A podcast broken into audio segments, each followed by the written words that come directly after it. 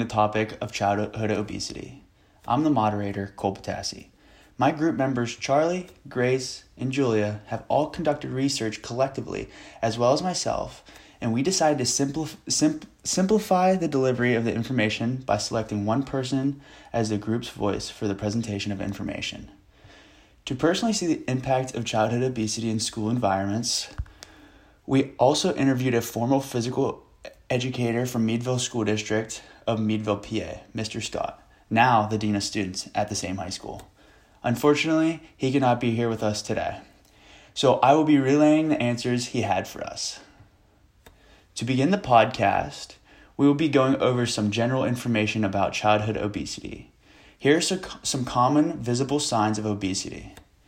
Seeing children consume excessive amount of sugary beverages, spending too much time on technology such as the Xbox, PlayStation, computer, or even phones on uh, game on phones, eating an unhealthy diet that does not follow my plate guidelines, continually observing that a child is unable to keep up with their peers while outside at recess.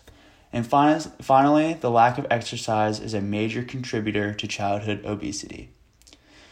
Many of these v- visible childhood obesity signs can contribute to the symptoms that children face. Some of the symptoms include type 2 diabetes, sleep disorders, bone fractures, and the possibility of non alcoholic fatty acid liver disease. These are some of the physical symptoms that can accompany childhood obesity. Additionally, children who are obese face not only the physical impact of their bodies, but also social and emotional symptoms that the disease can cause. Overweight children tend to have more anxiety and poorer social skills than their normal weight peers.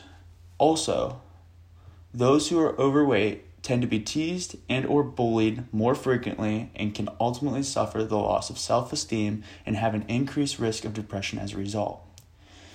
Given the symptoms that children ha- with obesity experience both physically and socially, the impact on the individual can be substantial. Obesity does not only affect the child himself, but also those who are continually around the individual. The child is impacted academically by the, this disease in the observation that those who are obese tend to miss school more frequently, therefore, causing a decrease in academic performance. Furthermore, childhood obesity is associated with a higher chance of premature death and disability in adulthood. Thus, this disease can affect the entire lifespan for an individual.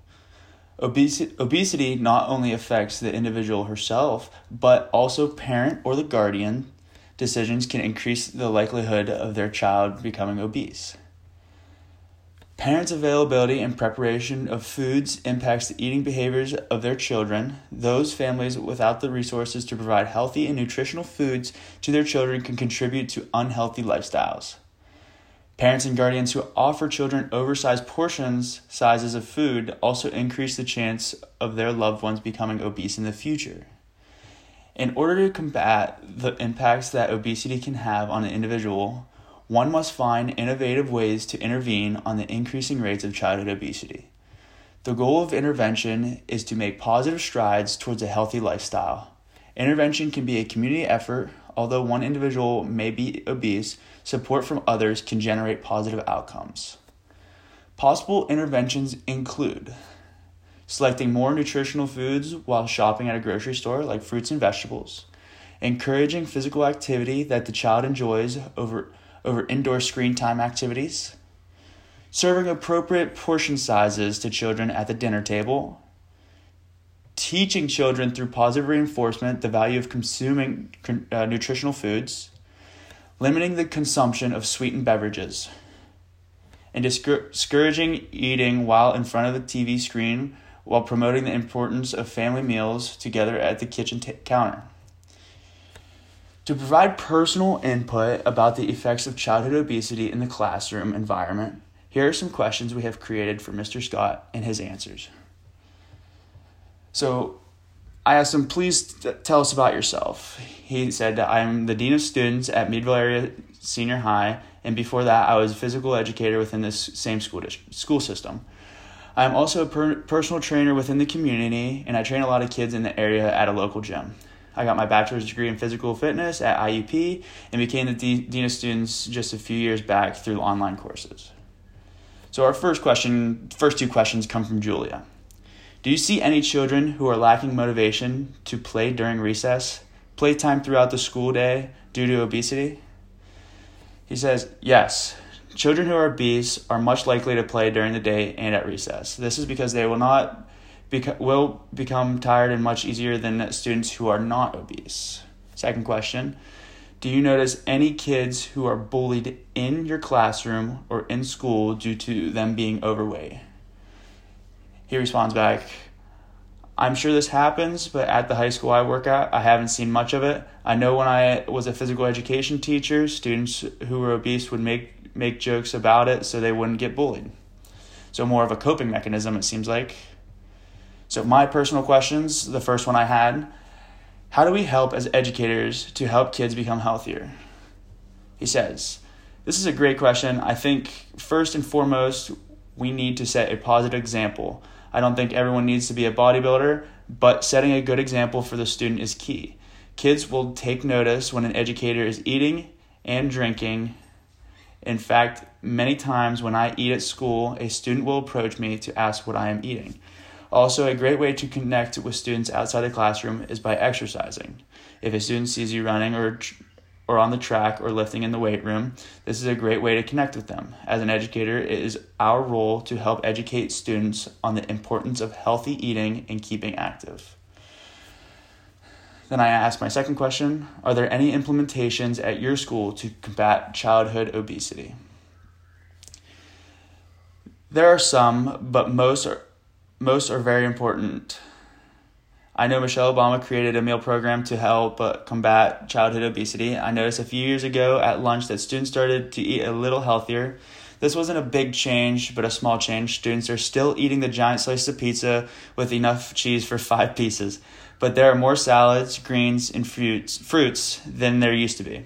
Also, the vending machines are closed throughout the day, so students can't buy chips or drinks from the machines. I also have a I have to mention the drinks available to students are nothing but sugar. I will walk around the cafeteria at lunch and point point this out to the students. Most students are drinking multiple drinks at lunch, which contain almost 50 grams of sugar per drink. Then Charlie with her two questions.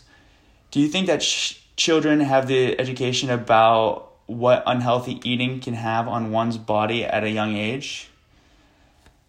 He says, I think I, I think children have a basic understanding of eating at a young age, but this mostly comes from their parents. Parents who are active and eat healthy with ed, will educate their children because they know it's important, but parents who are obese are much less likely to do so.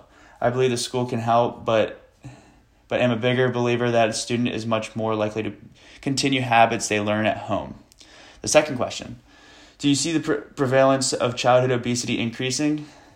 Yes, it's been a trend for the last 30 years, and, and I see this keep continuing. Finally, we have Grace with her two questions. Do you believe that the child's home environment plays a large role in child's weight? This is the largest role out of all other factors. You are much more likely to do and learn from what your parents do. In fact, look at the co- correlation between obese parents and children as well as healthy parents and children. Kids will do what their parents do. And the final question we have What are the biggest challenges that you see obese children face in the classroom?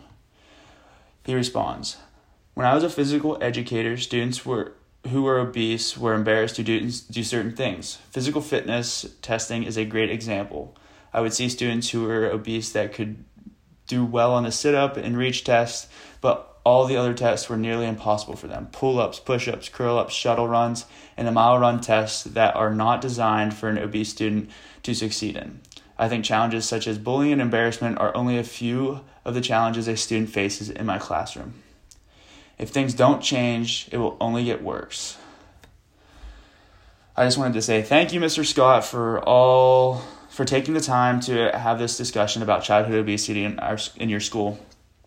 As we all can see, childhood obesity plays a major role in many children's lives, but there is so much that still can be done. Thank you for taking the time to listen to our podcast, and we hope you enjoyed.